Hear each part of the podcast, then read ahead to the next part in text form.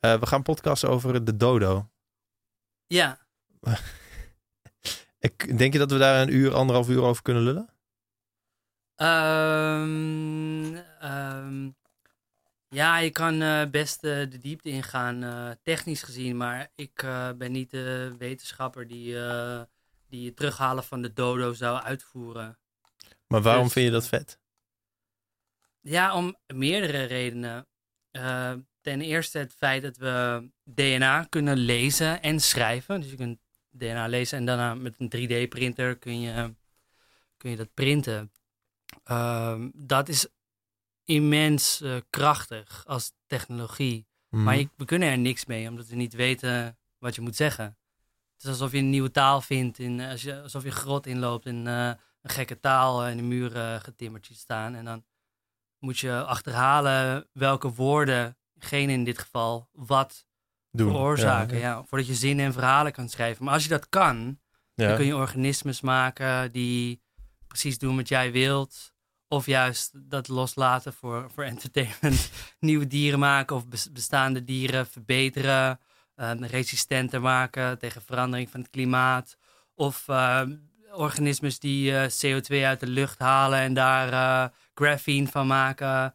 Ehm, het is, ehm, ja, als je naar de natuur kijkt, dan, dan zijn de mogelijkheden eindeloos. En als wij controle hebben over de natuur, dan, ehm, dan is dat i- i- i- immens krachtig. En een van de soort van iconen van dat soort wetenschap is een, een project om de dodo terug te brengen. Ja, ehm, ja, dus dat is één reden. De wetenschap erachter is heel vet.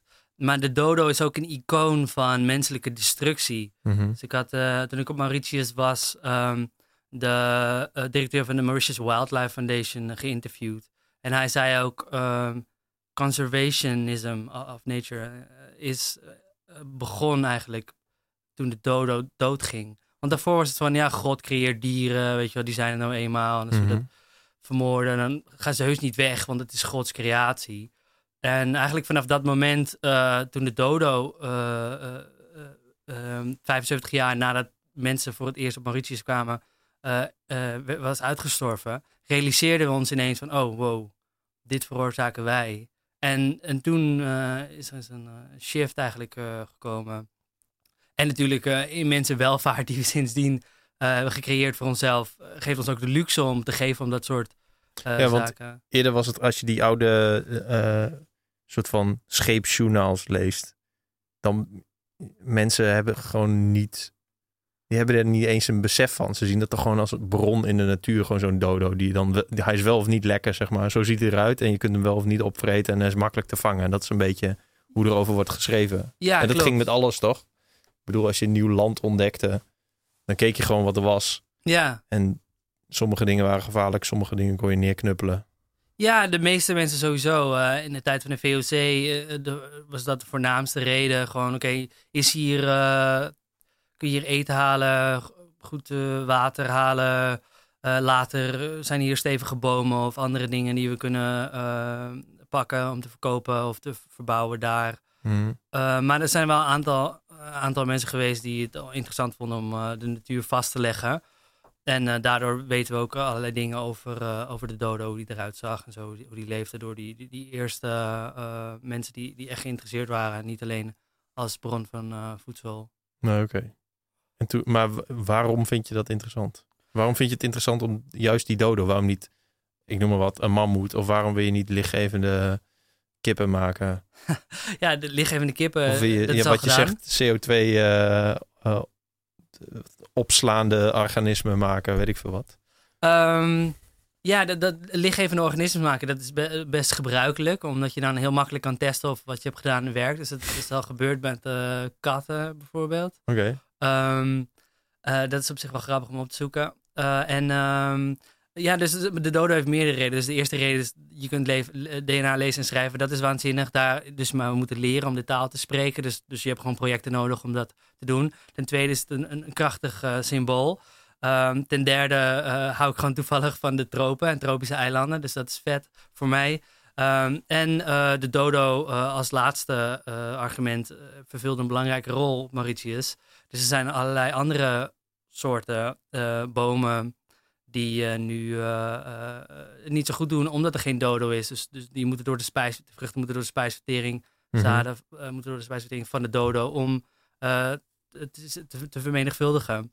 Um, en um, dus het zou enorm helpen, symbolisch, maar ook gewoon letterlijk praktisch in eigenlijk als je dat soort dieren terugbrengt, dan, dan doen zij conservering van de oorspronkelijke natuur voor ons, omdat het werk kost. Maar dan is het een soort van tegenstelling, toch? Dan ga je een soort van interveneren omdat je een staat wil terugbrengen die er was voordat er interventie was. Toch? Dat is een beetje een paradox. Um, ik, ja, dat zou kunnen, maar ik heb daar geen probleem mee. Okay. Je gebruikt gewoon technologie om uh, iets dat uh, waardevol is te herstellen. Mm -hmm. um, en um, ja, je gebruikt die technologie om iets wat eerder was zo goed mogelijk weer te, te maken. Zoals het was door naar de oorspronkelijke source code te kijken. Dus de DNA die in uh, botten van, uh, van de dodo uh, nog te vinden is. Um, ja, waarom, ja, denk je dat ik het een probleem zou moeten vinden dat het een paradox is? Mm, nee. Nee, ja, ik zit met te denken van de, hoe je... Wat is, wat is dan een soort van staat van de wereld die we zouden moeten nastreven, zeg maar. Ik denk Kijk, dat. Uh, Het is nou eenmaal zo dat we met heel veel mensen zijn en dat Ja. mensen zichzelf het allerbelangrijkste vinden op de wereld. Ja, volgens mij Ja. verander je daar niet zo heel veel aan. Iedereen kan wel zeggen van niet, maar ja, dat, dat, dat denk ik absoluut. we moeten toch Ehm, een wereld scheppen die er voor mensen chill is, denk ik dan. Ja, zeker. Ik, ik ben een humanist. Dat denk ik absoluut. eh, dat we een wereld moeten scheppen die leuk is voor ons.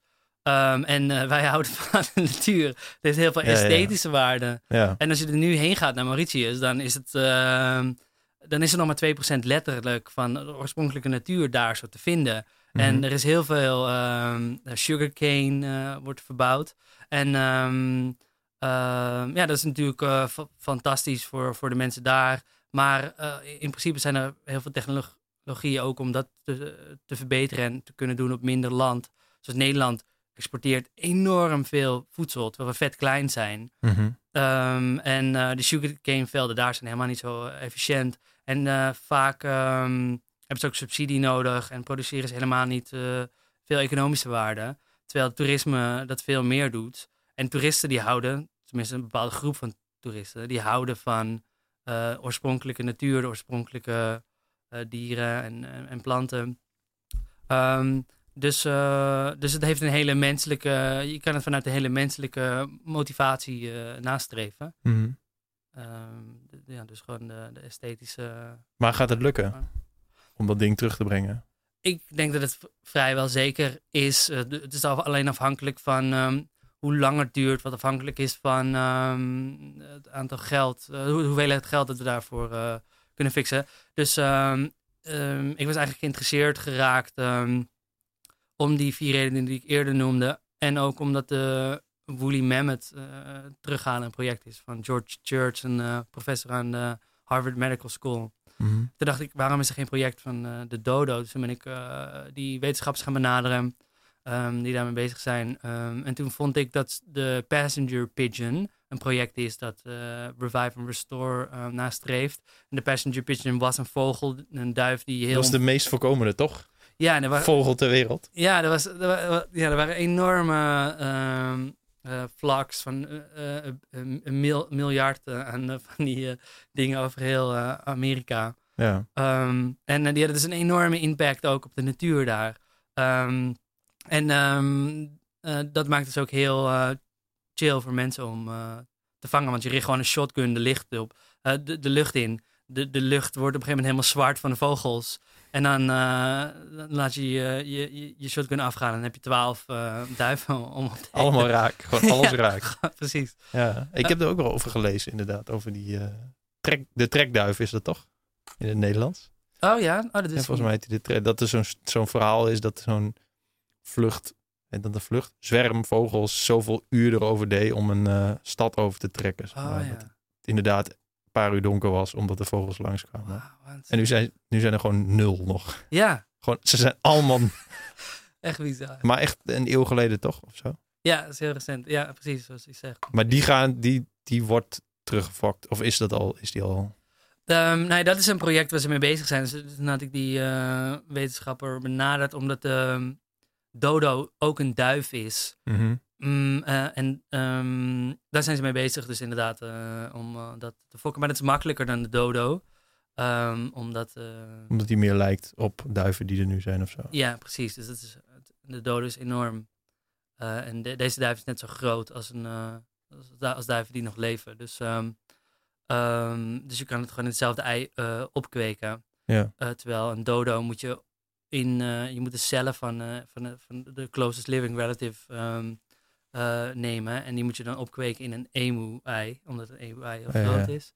Dus dat Maar is een zag- extra stap die Ik zag dan- laatst een filmpje over een kippen embryo die buiten een ei werd opgekweekt. Oh ja. Toen dacht ik, oh, dat is wel handig voor, je, voor dit project. Dan kun je gewoon, pak je gewoon een grote tupperwarebak. Ja, En dan groeit dan zo'n zo'n dodo-jong in.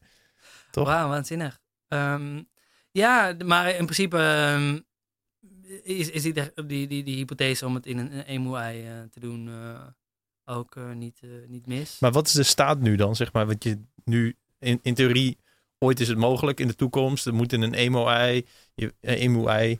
Je weet dat het, zeg maar, de closest relative is die, die, die, die wapperduif van, uit de Nicobaren, hoe heet die ook alweer? ja, de Nicobar Pigeon, ja, klopt. Met, met van die grote veren. Ja, ja, die, ja die, is heel kleurrijk. eh, echt een mooie... Dus, mooie- dus je weet ongeveer waar je een beetje een deel van de DNA weg kan halen. Je, je kunt DNA schrijven, maar wat, waar is, waar, wat is er nu nog niet dan?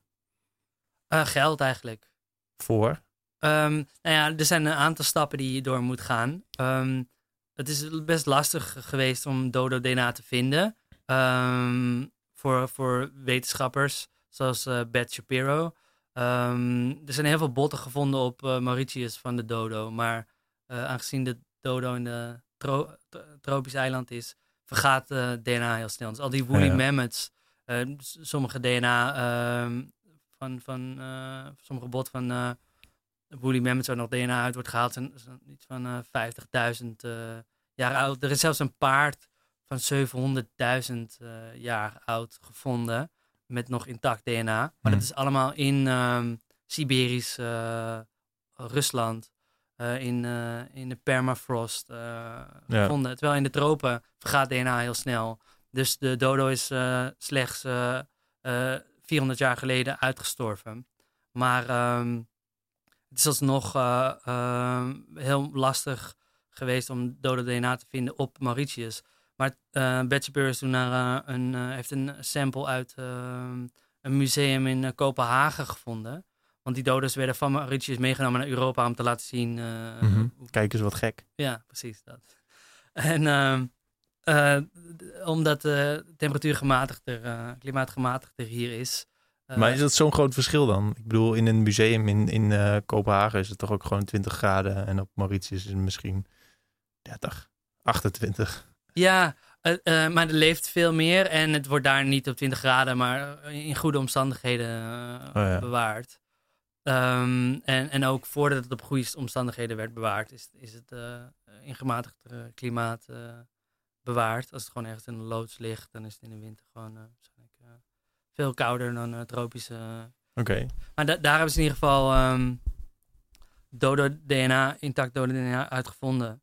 En dus ehm, wat, je, wat je dan moet doen is, is dat daar tijd en aandacht aan besteden. Omdat he- heel oud DNA heeft heel veel valse mutaties. Dus dan denk je van oké, dit is een, eh, belangrijke mutatie. Maar dan is het een, eh, gewoon een afval of iets anders. Ander DNA van andere organismen. Ah, oké. erin is gekomen. Maar wanneer weet je zeker dan dat je het goede hebt? Nou ja, de niet. Ni- Nicobar, ehm, wij zijn ook e- echt iets van meer dan 95% hetzelfde als chimpansees. Ja. Ehm, dus de Nicobar pigeon, de, die, die, die is dus miljoenen jaar geleden een keer geland op Mauritius. En toen, eh, omdat, er, omdat er helemaal geen vijanden waren daar zo. En vet wil eten, is het gewoon een loopvogel geworden die vet groot is geworden. Mhm. Eh, en dat, dat, dat, dat is de dodo. Ehm, dus het is eh, eh, heel waarschijnlijk dat het sowieso heel dicht bij de Nicobar ligt.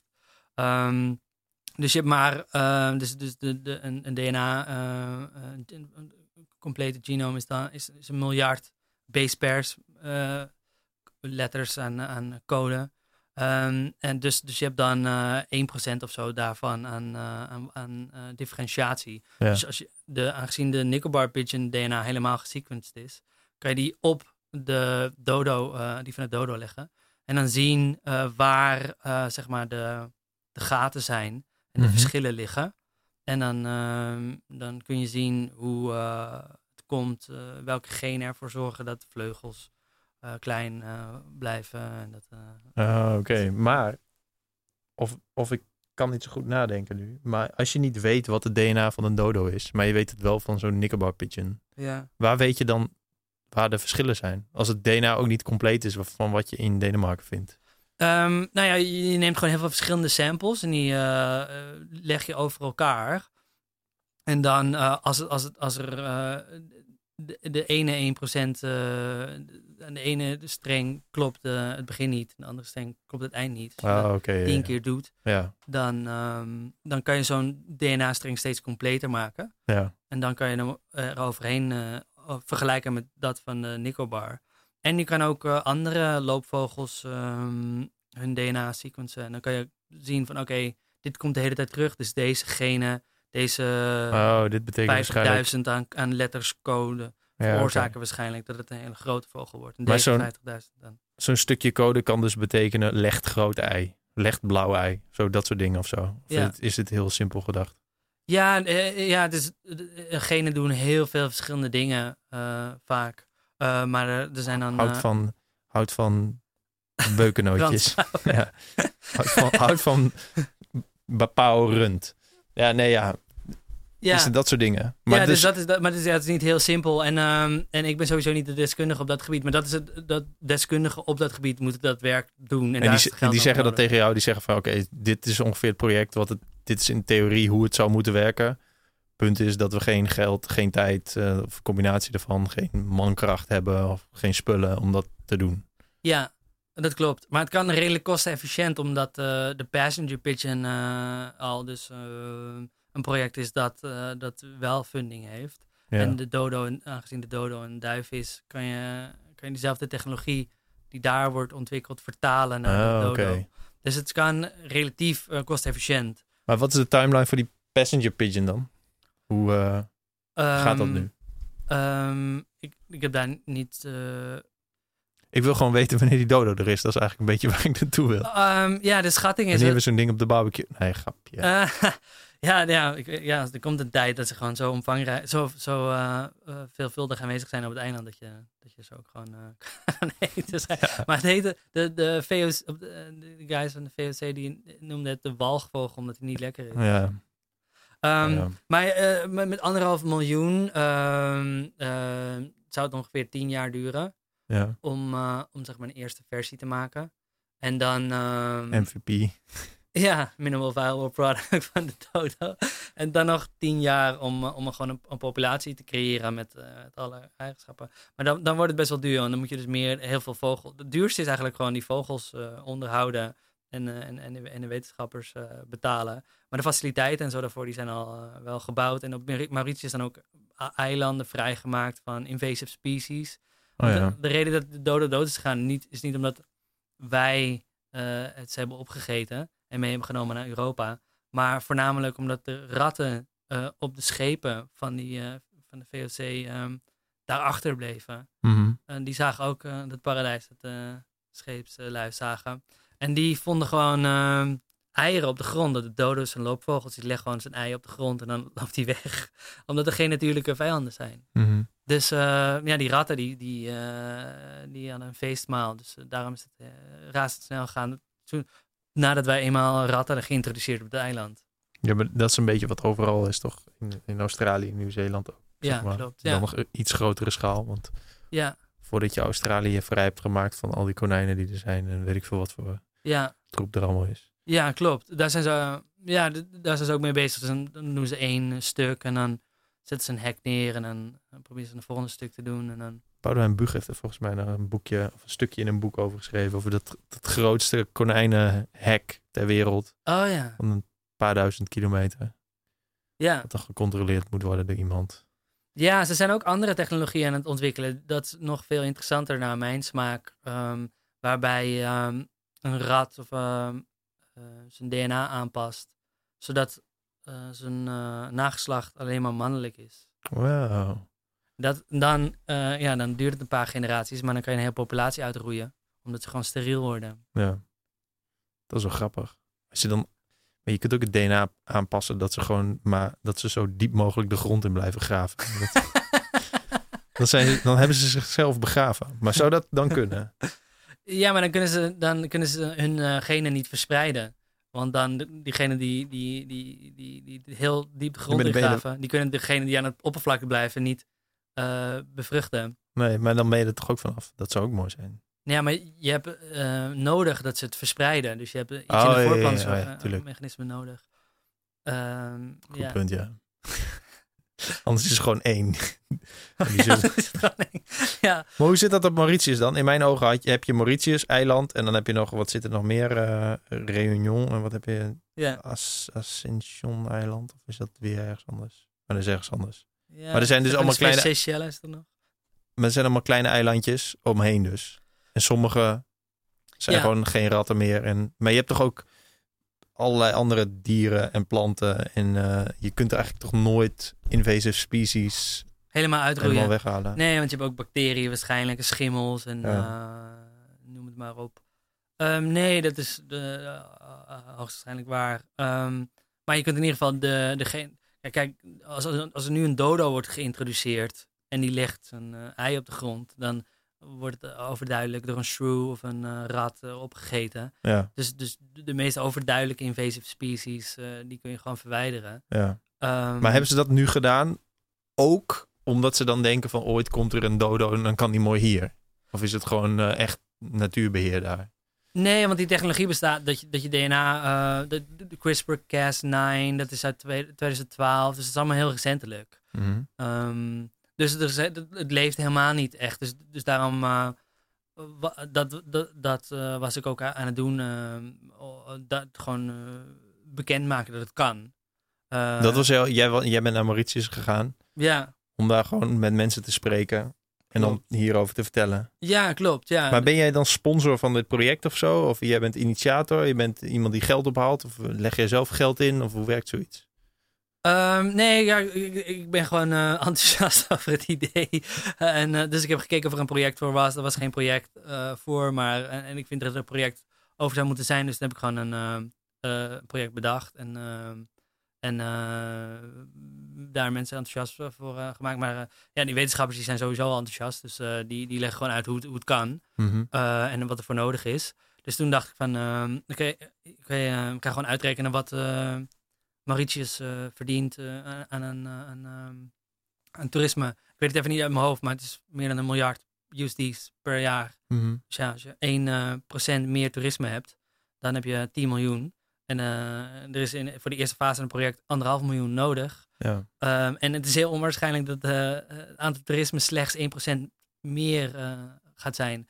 Ik denk dat het een paar honderd procent meer gaat zijn. Want ik denk dat de dodo bekender is dan Mauritius. ja. Dus eh, als er daadwerkelijk een dodo te zien is op Mauritius, dan gaan er zoveel mensen daarheen. Ja. Dus die economische case is eh, heel makkelijk te maken ehm, in, in mijn, mijn idee. Het heeft alleen wat, eh, wat tijd nodig. Mensen moeten we- wennen aan het idee dat het kan, moeten het betwijfelen eh, en, en, en erover na gaan denken, et cetera. Ehm, maar ja, dus, eh, dus ik denk, eh, denk dat, die, dat het wel eh, te doen valt. En, maar jij, gaat dan, jij boekt dan een ticket naar eh, Mauritius. En met wie heb je dan afspraken daar? Ehm, ja, ik heb eerst ehm, eh, gewoon met eh, contacten gezocht daar. Dus ehm conservationisten, biologen, mensen van de overheid, mensen van de centrale bank, r- rijke lui, dat soort. gewoon mensen die, die, die het project verder zouden kunnen brengen. Mhm. En toen ben ik erheen gegaan en toen ehm, heb ik gewoon hen, eh, ja, heb ik hen ehm, gesproken en eh, video geschoten met de lead eh, scientist van Re- Revive and Restore. Ehm, en ehm, en leaflets gemaakt om het, om het in layman terms uit te leggen. Mhm. Mijn kennis reikt ook niet heel veel verder dan die layman terms. Dus, ehm, en, en gewoon uitgelegd, gepitcht dat het mogelijk is. En eh, mensen gevonden die, het, eh, die, die, die de prime minister adviseren. En eh, daaraan. Dus je bent gewoon een lobbyist eigenlijk. Dat je gewoon... ja, Ja, Maar van je eigen project. ja, inderdaad. Maar, oké. En, maar wat is de status nu? Zijn er nu allemaal mensen die zeggen, oh ja, super, ik ben, ik ben er wel bij, ik wil wel, ik wil wel doneren of ik wil mijn tijd erin Ehm, besteden? Ja, de, de, de- er zijn eh, ehm, eh, de Mauritius Wildlife Foundation, die, die, heeft, die, die doet eigenlijk al een soort van de-extinction met eh, terughalen van ehm, eh, gigantische schildpadden. Die ehm, leefden ooit op Mauritius, maar die zijn uitgestorven. En, en toen hebben ze die teruggehaald eh, uit, uit de, dus van de Seychelles, waar ze nog wel leven. Ja. Dat is een andere soort, maar die vervult dan dezelfde ecologische functie. Ja. Dus dus da, dat is dan wat, eh, wat volgens de, die, de wetenschappers die, de, die die extinction doen, al die extinction. Dus je haalt gewoon de ecologische functie terug. Eh, volgens mij in Yellowstone Park hebben ze dat ook gedaan met wolven Met die wolven, niet ja, eh, ja. origineel daar zo waren, maar gewoon een, een andere soort die dezelfde functie zou vervullen. Dat is eigenlijk wat je wilt. Je wilt gewoon ehm, eh, conservering doen zonder dat je zelf het werk doet Ja. door soorten terug te halen die dat, die, die functie vervullen. Ehm, dus, dus Mauritius is al heel ver. En, en eh, die guy ehm, ehm, zag het ook eh, zitten. Dus, dus, de, dus, dat, dat, dus, dus, dat, dus het technische gedeelte kan. is een, een university eh, Texas, op de, in Texas, Amerika, Texas A&M University. Die is het project van de, die is een programma aan het doen van de, de extinction van de passenger pigeon. Dus zij kunnen dat technisch Mhm. eh, doen. De plaatsing op Mauritius kan dus door de Mauritius Wildlife Foundation. Ehm, dus het is meer een kwestie van eh, eh, geld, maar ik heb geen geld. eh, ik heb niemand vooralsnog eh, bereid gevonden om te zeggen van... ja, jongen, waar maak ik het naartoe over? Maar dat had ik ook niet echt verwacht. Het is meer gewoon in, in, eh, in het proces dat... eerst moet je bewustzijn creëren. eerst moeten mensen weten dat het kan. Ehm, en, ehm, en dan. En dan kunnen we. Ja, dan wordt het steeds waarschijnlijker dat er iemand eh, naar voren komt en zegt van eh, oké, eh, let's go, hier heb je een miljoen. Heb je naast, naast die, die passenger pigeon en ehm, die wolharige mammoet, zijn er nog meer van dit soort projecten? Ehm, Gaat ja, het parallel? Zijn er meer mensen met zoiets bezig? Ik kan me voorstellen dat er nog wel meer... Je hebt toch ook, weet ik veel, die, de Tasmaanse wolf, de Bali tiger, weet je wel, dat soort... Allemaal van die hele best wel specifieke en ook best wel groot. eh, Die quagga, volgens mij had ik dat jou gezegd, een soort een zebra-soort die nu soort wat wordt teruggefokt oh, door ja. een zebra steeds minder strepen te laten krijgen. Ja, ja, ja, ja, dat heeft een Nederlander ook gedaan met een eh oerag of zo heet het. Een oerak, een, eh, een koe met, met grote horens. Ehm, door ja, eigenlijk, dus, ja. is één vorm van de-extinction, maar dat is dan eigenlijk heel crude, zonder, zonder, zonder gene therapies. Eh. Ik bedoel, ehm, eh, eh, gene technologies om ja,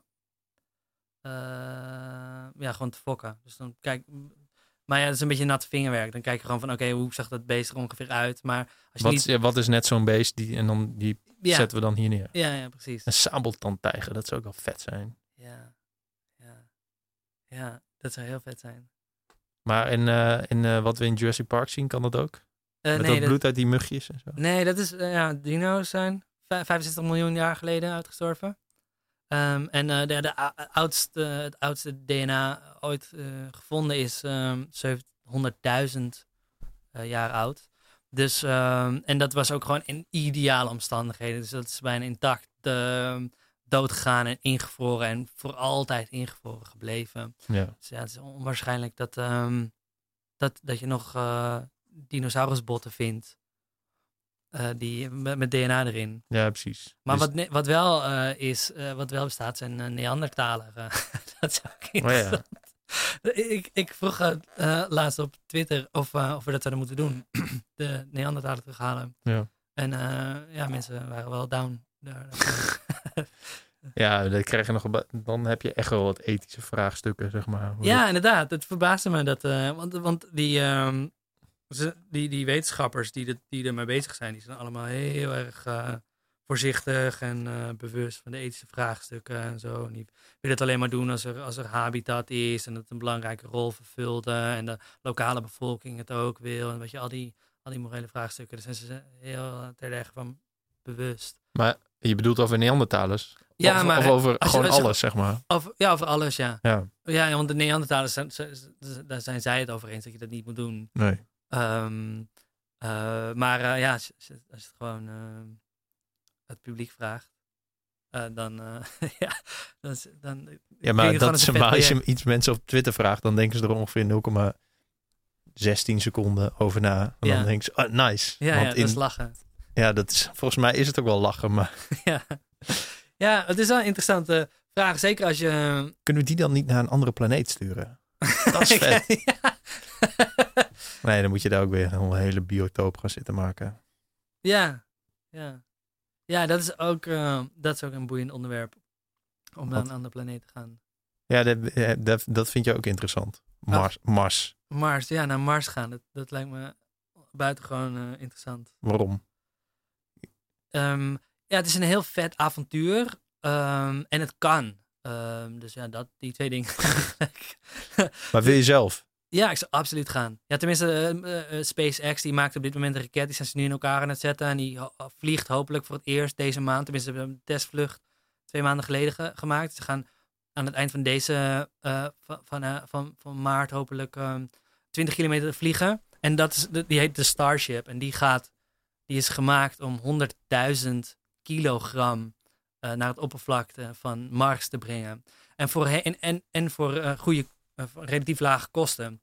Dus iets van eh, 50 tot 100 miljoen of zo.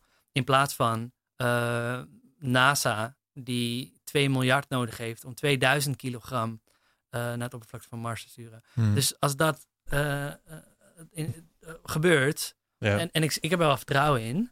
eh, want de raket, eh, de, sorry, de motor is al ehm, gemaakt. ehm, ehm, en, en, eh, en sowieso hebben ze een hele goede track record van, het- van, van innoveren in, ehm, in, in, in rakettechnologie. dus, eh, dus, dus ik, ik heb wel vertrouwen in dat dat gaat gebeuren. En als dat zo is, als je 100.000 kilogram voor, voor lage kosten daarheen kan transporteren, dan kan je echt allerlei dingen verzinnen om al die problemen die je tegenkomt op Mars het hoofd te bieden. Wat zijn de problemen daar? Dat Eh, nee, nee, er is geen atmosfeer. er is een hele... klein, klein probleempje. Ehm, ja, dus eh, water kookt heel snel als er, als er lage luchtdruk is. Mhm. Dus als je daar gaat rondlopen, wij eh, 80% water of zo, ehm, dan, dan begin je gewoon te koken. Mhm. Dus je hebt een, een drukpak eh, aan- nodig om überhaupt daar rond te lopen. En eh, nou, er is geen zuurstof, dat is een tweede ding, probleem. En het derde probleem is, eh, eh, omdat er geen atmosfeer is, zoals hier, en geen eh, sterk magnetisch veld, zoals hier, eh, is er ook veel ehm, straling van eh, kosmische straling en zonnestraling Mhm. dat eh, je DNA ehm overhoop schopt en kanker veroorzaakt. Ehm, en Bin- dat, Binnen een minuut of zo. nee, of- niet, of- nee, niet dat, maar wel, eh, maar wel het is wel gewoon heel ongezond. Dus je moet gewoon een soort kas bouwen. Ja, je je. moet eigenlijk, wat, wat ik denk dat het beste is om, is om en volgens mij is dat ook het idee van Elon Musk, de, de CEO van SpaceX, om te graven. Mhm. Hij heeft een, eh, volgens mij heeft hij daarom een, eh, een eh, tunnelbedrijf ook gemaakt. Het heet de Boring Company. Mhm. Ehm, en ehm, ja, want als je, als je graaft daar zo, en met 100.000 kilo kan je sikke tunnelmachines daar neerzetten. En je kan ook ehm, voetbalvelden aan, aan zonnepanelen neer eh, knikkeren. En die, zijn, die werken 50% minder goed daar zo, omdat het... eh, Stoffig is. eh, ja, dat. Maar dat is niet zo'n groot... Dat is een minder groot probleem dan eh, de afstand. Dus het is gewoon twee keer verder van de zon dan Mhm. de aarde. Ehm, maar dan alsnog kan je, omdat je zoveel mee kan brengen in de Starship, kan je, kan je enorme hoeveelheden elektriciteit genereren. Dus, dus, die, dus gewoon off-the-shelf machines die, die hier tunnels produceren, die kun je daar gewoon laten draaien. Ehm, en, eh, en, dus, en dan, dan graaf je gewoon, eh, volgens mij heb je dan vier eh, meter of zo nodig om zeg maar, dezelfde bescherming te hebben van de aarde daar als de, het magnetisch veld en de atmosfeer hier op aarde. Om de Je bedoelt vier meter diep moet je zijn. vier, ja, sorry, vier Oh, meter ja. aan aarde heb je nodig om de straling tegen te houden. Oh, dat is wel chill. Dus je moet eigenlijk wel daar naartoe, maar dan daar in een tunnel gaan wonen. Ja, precies. Vet. ja, je, kan ook domes bouwen en je kan ook gewoon wel rondrijden tijdelijk, maar dan moet je gewoon, eh, ja, dat moet je.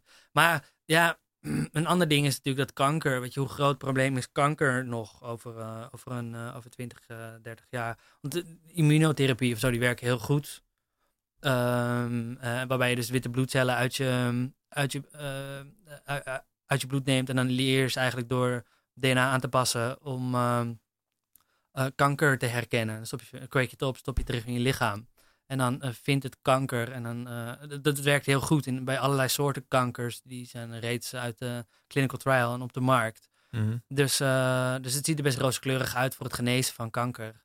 Ehm, en dat is wat het grootste probleem aan, aan straling. Dat het mutatie veroorzaakt. Oh, dus je eigenlijk zegt van, dan kun je er gewoon rondlopen, zolang je die techniek maar meeneemt, zeg maar. Om Ja. dat dan weer op te lossen. Ja, Maar wat moet je dan doen op. Mars? Ehm, Lijkt mij ook wel vet, maar ik heb nog geen argument gevonden, zeg maar. Lijkt mij echt cool om daar naartoe te gaan. Maar ik Oh, heb geen ja. goed argument. Nee, oké, dat het kan en dat het eh, een vet avontuur is. Dat, dat is voor mij al een ar- argument. Uh, Voilà. maar ja, je kan allerlei dingen leren over, eh, over het leven, of daar leven is. Want er is, wordt methaan ge- gevonden daar zo door ehm, eh, instrumenten van eh, NASA. Ja. En dat vergaat eh, re- relatief snel.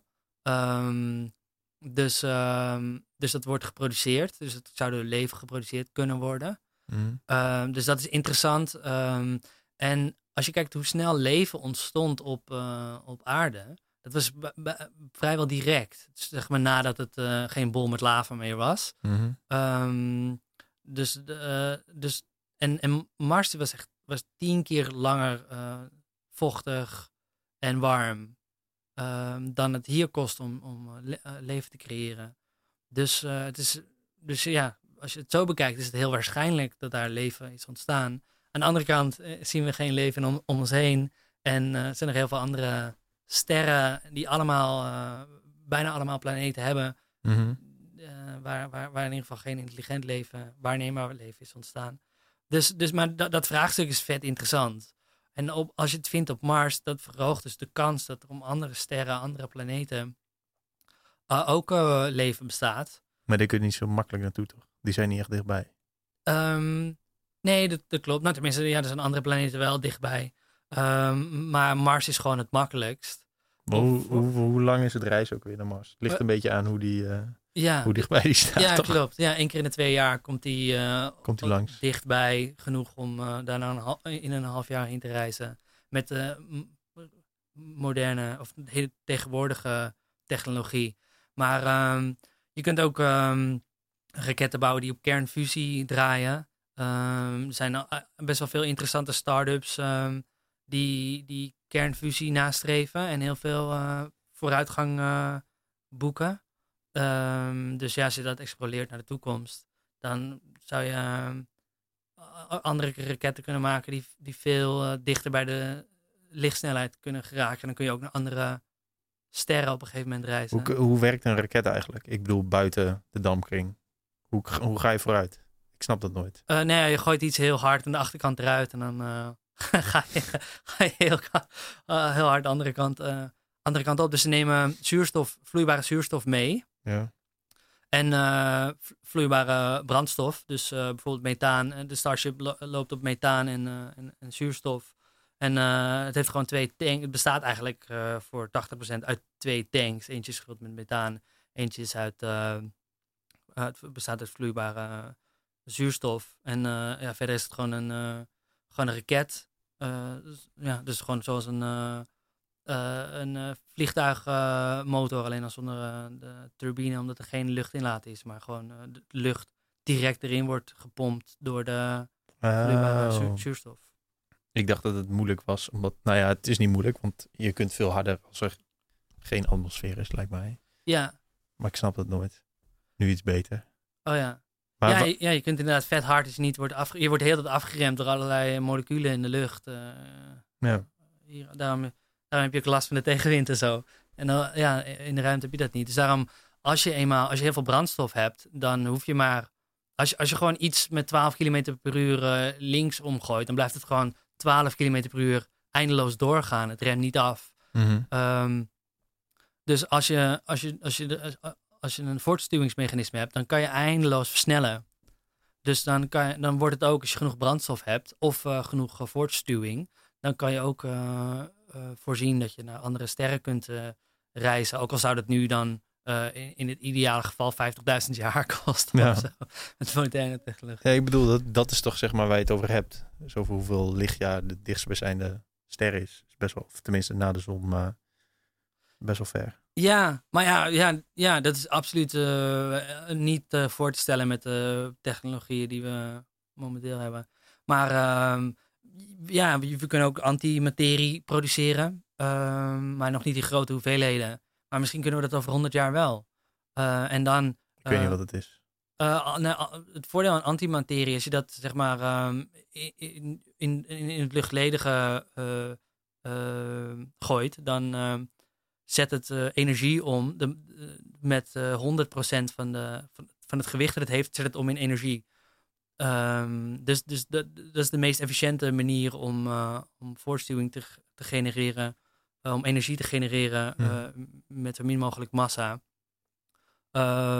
dus, dus als je dus methaan en zuurstof bij elkaar gooit en, en aansteekt, dan heb je, ja, ik weet niet hoeveel, maar heel, heel minuscuul klein beetje conversie eigenlijk van massa naar energie.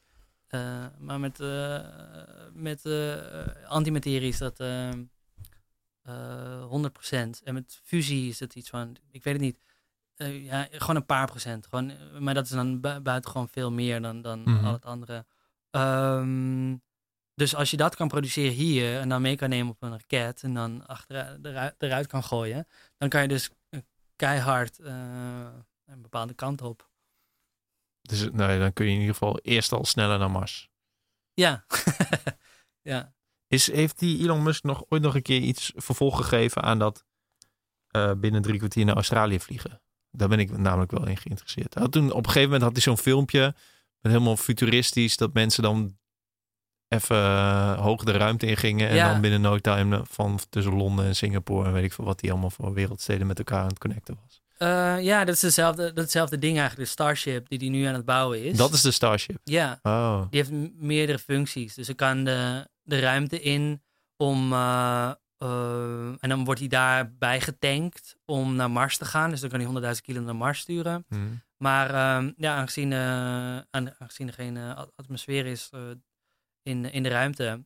kan je heel snel van, van kan je heel snel gaan. Dan ja. kan je heel makkelijk van A naar B. Uh, maar dan, ja, dan moet je eerst het systeem heel veilig maken. En een tweede, tweede probleem is dat je dan moet landen. En dat, dat maakt vet veel lawaai. Ja. Um, dus dat moet je waarschijnlijk dan op zee doen. Uh, maar ja, als je, echt, als je van A naar B wil, dan wil, wil, je, van, wil je naar grote steden reizen. Mm -hmm. um, dus ja, dat, dat is een probleem. Maar dat, dat, dat is hetzelfde ding. Dus, uh, en dat, ja, da daarom gebruiken ze ook methaan in plaats van kerosine. of volgens mij is kerosine waarop eerdere raketten draaien. Maar weet ik niet helemaal zeker. Maar methaan is in ieder geval vet goedkoper. Um, uh, en daardoor, um, aangezien dat schip herbruikbaar is, mm -hmm. kun je het gebruiken als, uh, als uh, vliegticket van, om van, van point 1 tot point B op, op aarde te, te ik ben, wel, ik ben wel benieuwd. Is, um, maar deze maand, februari 2020, gaat hij dus vliegen? Gaat hij dus testen? Ja, ze zijn het echt razendsnel aan het bouwen. Ik, ik volg het uh, op, uh, op Reddit, uh, SpaceX Reddit. Um, en ehm, ja, de dingen worden razendsnel in elkaar gezet. Dus ik denk dat die eind deze maand wel in elkaar staat. En dan eind maart voor het eerst gaat in, in, in volledigheid gaat vliegen. Want die ehm, motoren die, waar die op draait, de Raptor engine die is uh, al getest uh, laatst op, op, op, een, uh, op een kleine versie van die raket. En dat, dat ging prima. En nu gaan ze dus 20 kilometer de lucht in en dan gaan ze weer landen. Mm -hmm. en als dat lukt, dan gaan ze een, een, rondje om de aarde, gewoon in orbit, proberen te geraken. Vet. Ja. Maar is het, ben je, ben je er nog los van dat je op Reddit zit te kijken, nog op een andere manier mee verbonden? Vind je het gewoon heel mooi? Nee, ik vind het gewoon heel mooi. Heb je niet, want je doet ook nog dingen in je dagelijks leven, zeg maar. Je hebt ook nog werk. Ja, ik ben ondernemer in, in de voedselindustrie. Ondernemer in de voedselindustrie. ik, wilde, ik wilde er nog wel even over hebben. Oké, okay, is goed. Vroeger heette hij, er was ooit uh, Joyland. Toen maakte jij Soyland. En nu is de naam veranderd. En nu heet het Jimmy Joy. Is het, eh, is het denigrerend om het zo ik, te noemen? Ik, ik, kan alleen, eh, ik kan alleen het laatste bevestigen, bevestigen want eh, over het andere kan ik geen uitspraak doen, omdat ik daar een, eh, een, iets over voor heb getekend met eh. Amerikaanse advocaten. Oké, Het heet Jimmy Joy. Oké, je hebt iets wat heet, dat heet Jimmy Joy. Wat is Jimmy Joy? Eh, ja, eh, eh, wij maken voedsel waar alle voedingsstoffen in zitten die je nodig hebt op een dag. Om eigenlijk zo snel mogelijk, zo gezond mogelijk te eten. Dat is het idee. Dus we hebben repen, kant-en-klaar drankjes en shakes. Mhm. En daardoor kan je gewoon letterlijk in minder dan vijf minuten eten. Dat, dat kon natuurlijk sowieso. Je kan gewoon naar de McDonald's. Maar wij streven om eh, dat zo gezond mogelijk te maken. Dus niet alleen heeft het dan alle voedingsstoffen. Alle vitamine, mineralen, koolhydraten, eiwitten, vetten, vezels. Maar ook in eh, vormen die elkaar niet uitsluiten en eh, bio eh, beschikbaar zijn. Dus Mhm. de vitaminevormen en eh, omega-vormen die, ehm, die ervoor zorgen dat, dat wat je nodig hebt op een dag ook daadwerkelijk eh, in je- in je- wordt gebruikt door je lichaam. En, eh, maar wat voor mensen kopen dit? Ehm, ehm, ja, Zijn veel- het, is het echt eh, de- het cliché van de, degene die eh, alleen de hele dag achter de computer zit en eigenlijk gewoon eten zonder van zijn tijd vindt? Ehm, dat is sowieso een grote groep. ja, ja eh, jonge, hoogopgeleide, ehm, ha- hardwerkende slash veelverdienende mannen in grote steden. Het is een, grote doelgroep. Mensen die wandelen en zo een berg beklimmen, extreme sports doen en dat soort dingen. Eh, daarvoor is het handig omdat gewoon eh, het gewicht per ehm, kilocalorie eh, en voedzaamheid is, is gewoon heel gunstig. Dus je hoeft heel weinig mee te nemen. Zeker als je daar nog, als je onderweg nog Water kunt water vinden. kunt vinden. Ja, Dus dan neem je gewoon een zak poeder mee. Precies. Om het ook maar eventjes ja, zo te noemen. Oh, ja. ja. ja, dat is het letterlijk. Ja, het is gewoon een zak poeder. Maar en, ja, dan mixen wij gewoon allerlei, de meest fijn mogelijke vormen van de ingrediënten die we, die we nodig hebben. Zoals havermout en zo. eh lijnzaad, zo noem maar op. Die, die mixen we erin. Dat, dat doen we hier trouwens in de buurt, in, eh, bij de houthavens eh, hier in Amsterdam. Oh, dus die... Is daar, is daar ook dat magazijn waar je wel eens foto's van... Ik heb volgens Ja. mij ook wel eens foto's gezien van jullie. Een soort van laboratoriumachtig... eh, Ja, we hebben een heel klein dingetje waar we tests doen en zo. Maar we hebben ehm, een productieruimte, die is ook niet zo groot, het is twe- 200 vierkante meter. Dat, en dat, dat, dat, is, daar, dat is helemaal steriel. En lopen mannen in pakken, ook vrouwen trouwens. Ehm, en het staat onder druk, eh, zodat er geen stofdeeltjes van buiten naar binnen komen en zo. En dat, dat is onze productieruimte. Verder hebben we dan nog 2000 vierkante meter aan, ehm, aan, eh, aan grondstoffen. En onze kantoor is ook gewoon in, eh, in hetzelfde pand. Dus, oh ja. dus dat, is, dat doen we. En doe ik in het wordt, wordt het... maar ben je daar veel tijd mee kwijt? Ik bedoel, als jij eh, naar Mauritius gaat om te lobbyen voor een Dodo-project... en eh, ook nog heel veel op Reddit zit... Ehm, eh, ja, het is, het is, ik doe het gewoon fulltime. Ehm, ik ben eigenaar en directeur van het bedrijf. Ehm, eh, en ik, doe, ben er elke dag van, van 9 tot 5. En dus, dus de, de rest doe ik gewoon ernaast. En Slaap je wel goed? ja hoor, ik slaap prima. Ik slaap ook gewoon lekker veel. 8, 9 uur. Goed zo. maar eh, je wilde nog iets zeggen. Je was bezig met de zin. Ehm, ehm, ik weet niet meer wat ik... eh, Of heb je gewoon alle overige dingen die... Ik, ik vraag me gewoon af, zeg maar, hoe deel je dan je dag in? Zeg maar, het, li- het lijkt erop alsof dit project... Ken je eigenlijk alleen maar van Twitter. Dus het lijkt Ja. erop alsof je dit project, het Dodo-project en de dingen die je post over ruimtereizen, best wel veel tijd, tijd besteedt, tijd inneemt. Ehm, ja, dus ik, doe, ik ben... eh, ja, sowieso als, als ik... eh, ik ga liever ehm, eh, lunchen en, eh, en SpaceX in de gaten houden dan, dan, dan alleen maar lunchen. Ehm, Ja, en ja, ik, ik, ik luister liever podcasts ehm, dan muziek op de fiets. Dus, dus daarom... dus, dus, ja, ik ben er veel mee bezig, maar ehm, ik ben ook gewoon, eh, gewoon aan het werk. Dus Maar ambieer je er ook, ook nog zakelijk iets anders dan, ehm, dan Jimmy Joy? Ehm, ja, ik, ik doe. ehm, ja, het is niet helemaal zakelijk, maar ik heb nog een ander bedrijf. Eh, dat heet de Sapiens Biolabs. En daarin. eh, ik ik, ik ben geïnteresseerd in het genezen van ouderdom. En ik denk ook dat het kan. Mhm. Ehm, dus ik ben uh, losjes betrokken bij de Life Extension Advocacy Foundation in, uh, in uh, Amerika.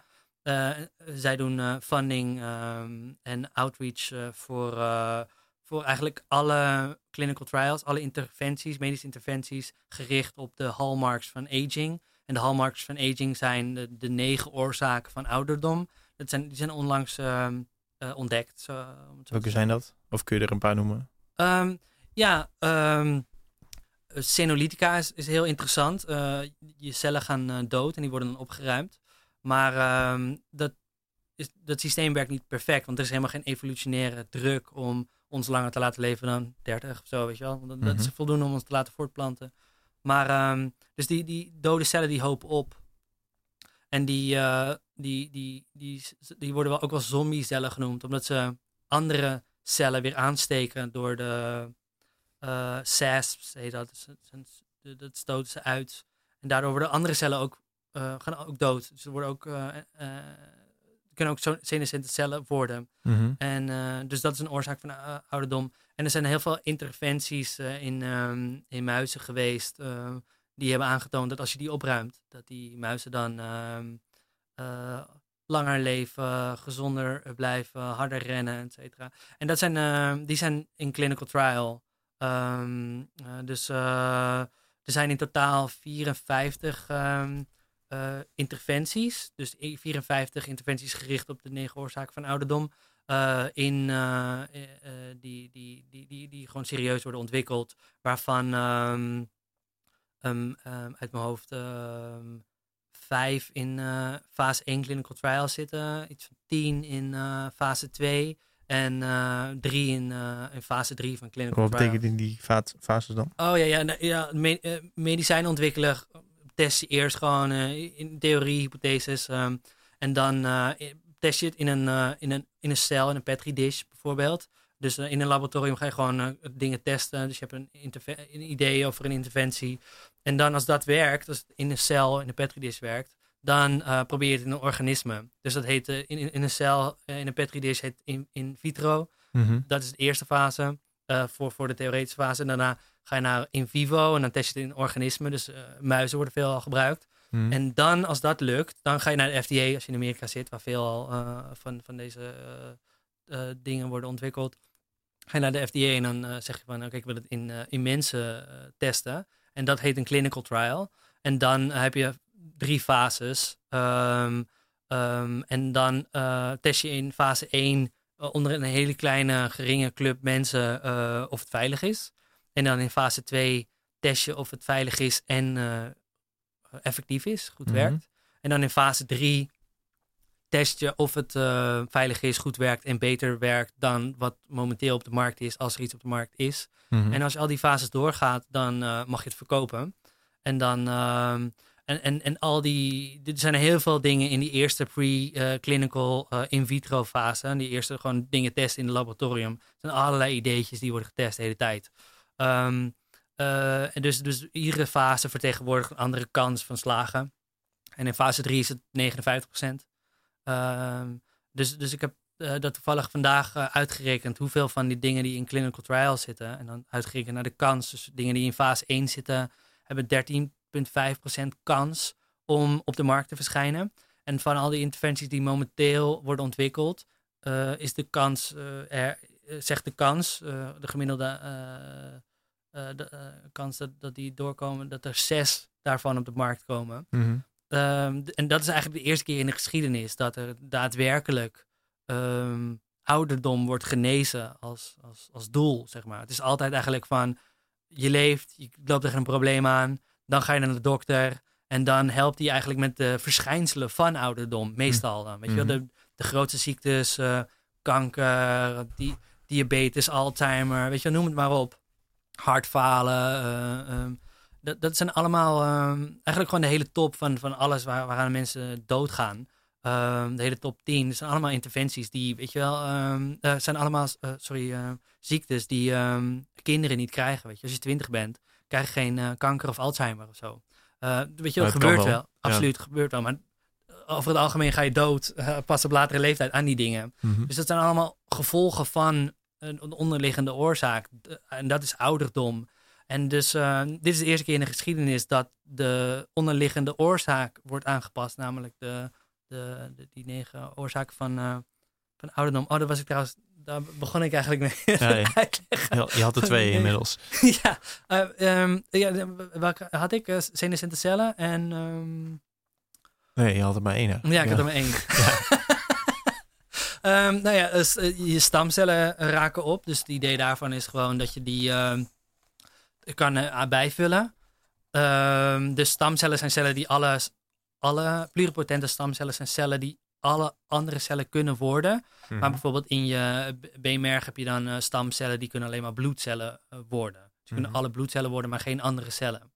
Um, en um, uh, in, ook in 2012, dus in 2012 kwam CRISPR-Cas9 op de markt. Maar wat ook op de markt kwam, um, of tenminste die, die guy, die Yamanaka, die Shinya Yamanaka, een Japanse wetenschapper, kreeg in 2012 een Nobelprijs voor de wat nu de Yamanaka Factors heet.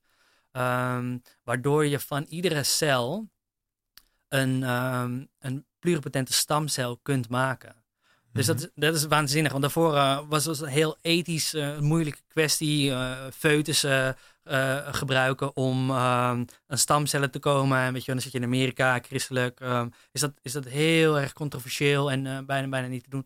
Maar sindsdien is het heel makkelijk eigenlijk. Je kunt gewoon, een, nou, relatief makkelijk voor, voor bepaalde wetenschappers. Mm je neemt huidcellen, daar, die bombardeer je met, uh, die omgeef je met de Yamanaka-factoren, vier eiwitten, die, waardoor die cel denkt van, hé, hey, wacht, mijn omgeving is alsof ik in uh, een, een, in, in, in foetus situatie verkeer. Dus ik ga me differentiëren terug naar een pluripotente stamcel. Mhm. Dus je kan gewoon huidcellen nemen en dan maak je pluripotente stamcellen. En pluripotente stamcellen kun je eindeloos opkweken. Ehm, dus normale cellen die hebben een heefvleklimmen, die kunnen maar, kunnen maar een aantal keer uh, zich opdelen en, en vermenigvuldigen, mm verdubbelen. Ehm, en een, een stamcel kan het eindeloos. Dus die kun je opkweken en dan kan je ze daarna weer differentiëren door andere eiwitten er toe te voegen. Om een situatie te creëren van oké, wacht, uh, ik moet een, uh, een haarcel worden bijvoorbeeld. Ik zeg haarcel, want er is een bedrijfje dat ik net zag, dat heet Rapunzel Bioscience. En dat is, die is um, haren aan het eh, regenereren. Dat is heel interessant. Dus neem eens gewoon voorheen, uh, als je kaal wordt, dan kan je een interventie doen uh, door uh, gewoon haar te verplaatsen eigenlijk. Mm -hmm.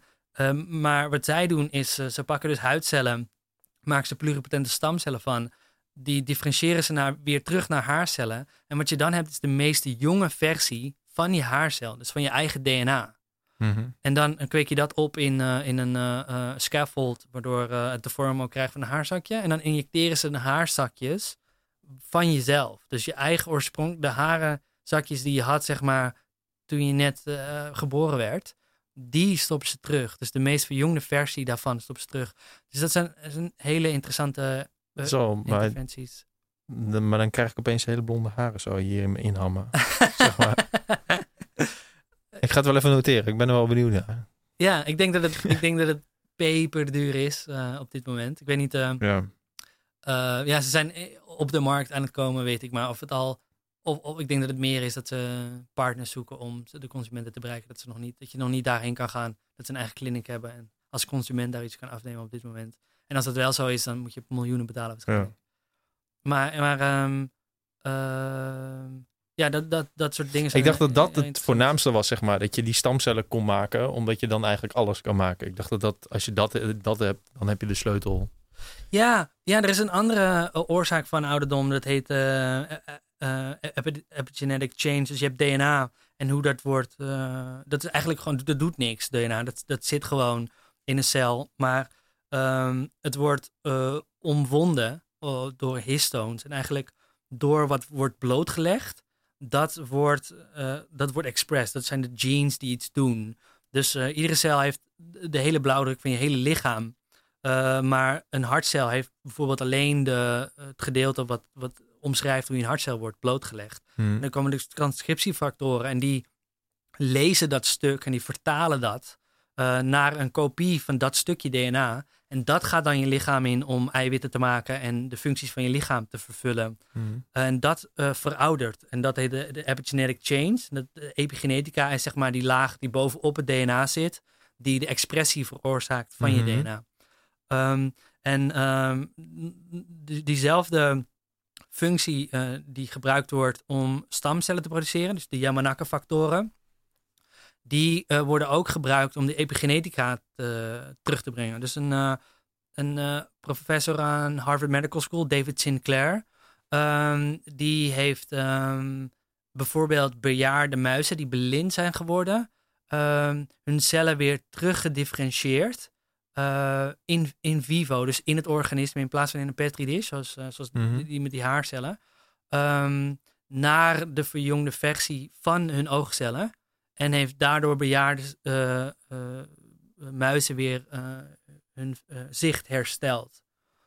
Ehm, eh, dus dat is een andere oorzaak van ouderdom, die eigenlijk met dezelfde interventie, dezelfde factoren teruggedraaid kan worden.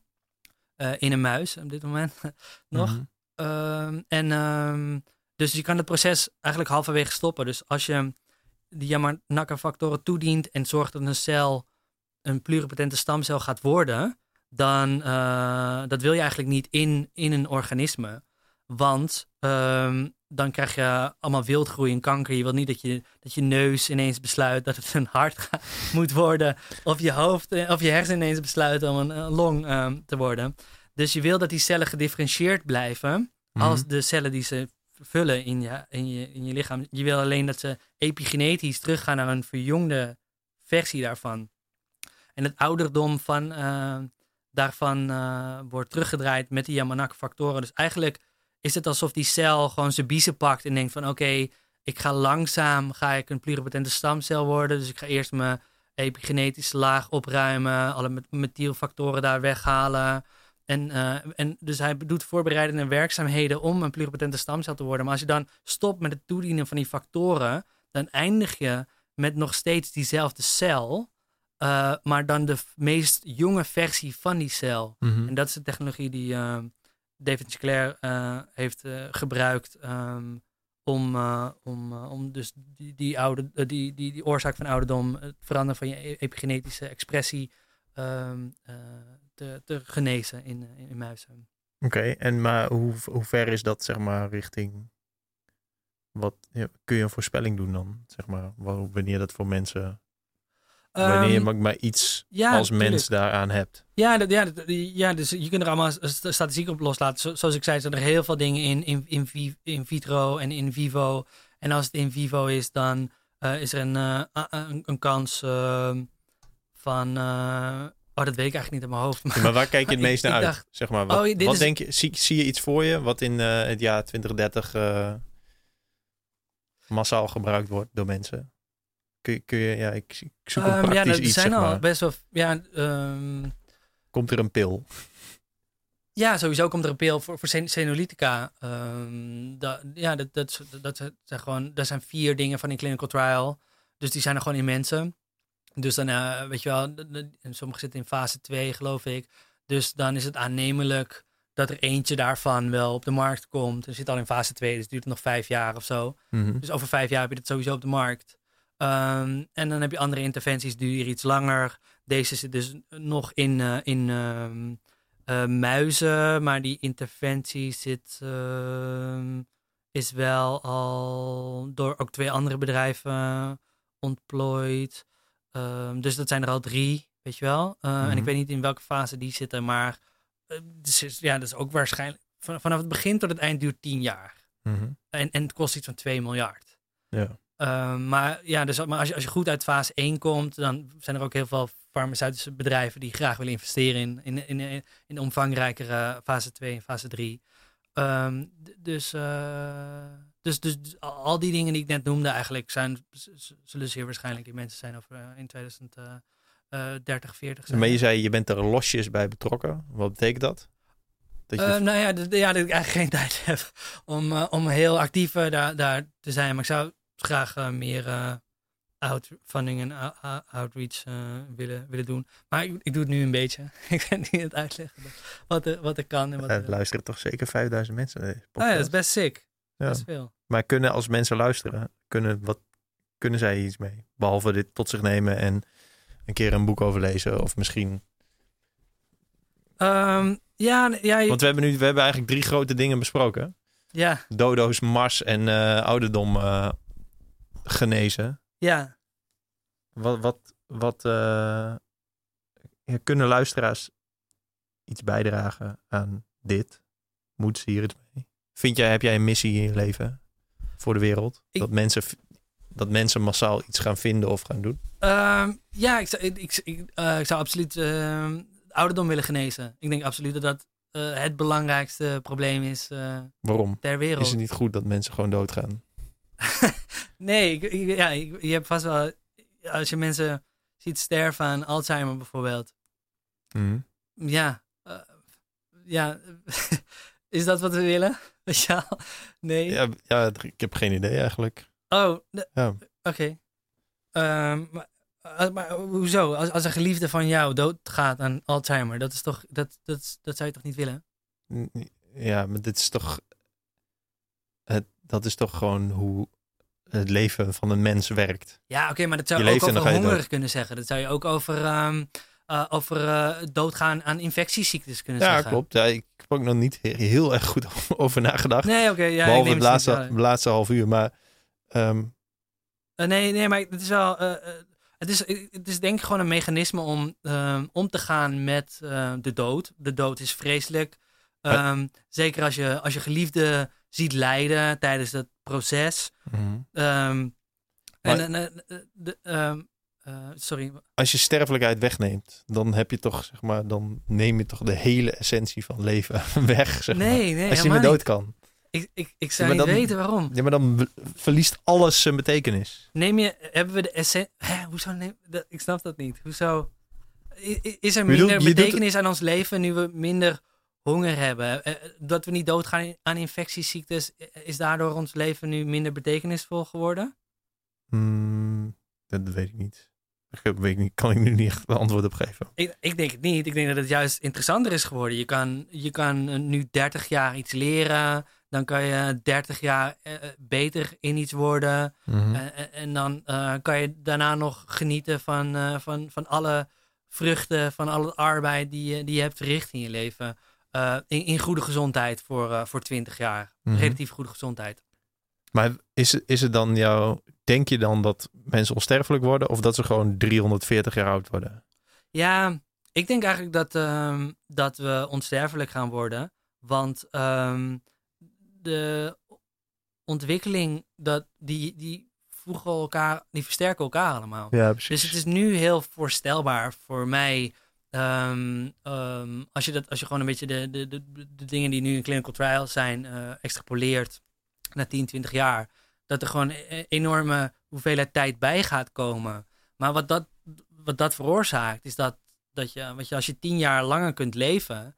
ehm, dan zijn er ook, dus dat zijn 10 jaar aan medische interventies. Die is van, die is van A naar B, van het idee naar de markt eh, gebracht kunnen worden. Mhm. Dus, eh, dus als. Dus het is een soort sneeuwbal, zeg maar. Als je eenmaal langer kunt leven, zul je waarschijnlijk ook nog veel langer leven. precies, zeg maar. ja. Ja, op een, er komt een tijd dat de levens, als de levensverwachting sneller stijgt en de tijd verstrijkt, dan leef je ja, ja. eeuwig. ja. Maar tenminste, dan kan je nog doodgaan aan onder een auto lopen of zo. Maar ook, Ja. ja, dat, dat, daar, weet je, met dat zelfrijdende auto's zijn we daar ook mee bezig om dat veel veiliger te maken. ja. We, ik bedoel, Maar je kunt nog verzuipen, dezelfde eind maken. Ja, dat, precies. Je kan er altijd nog zelf uitstappen als jij per se vindt dat, eh, dat je de dood nodig hebt om eh, het leven zin te geven. Dan kan je gewoon zelfmoord eh, plegen. Ik bedoel, dat bestaat dan nog steeds. Ja. Ja, maar ik... Ja, oké.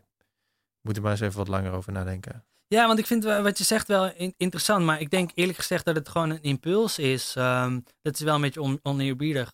Om om te gaan met de dood. Zo van, oké, het is vervelend, de dood. Allemaal, ik heb al, al- allerlei mensen eh, meegemaakt die, die, die direct lijden of, of indirect lijden aan, aan de gevolgen van ouderdomsziektes.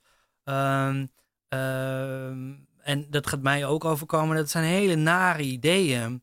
Eh, dus, en, en onvermijdelijk. Dus weet je, als iets vervelend is en het is eh, niet te vermijden, dan kun je maar beter gewoon er niet over nadenken. Of gewoon uh, er anders over nadenken. Gewoon denken van oké, dit, dit, dit, dit, is nou eenmaal zo, die moet ik mee leven. Het is Mhm. onderdeel van het leven, ga je niks aan veranderen.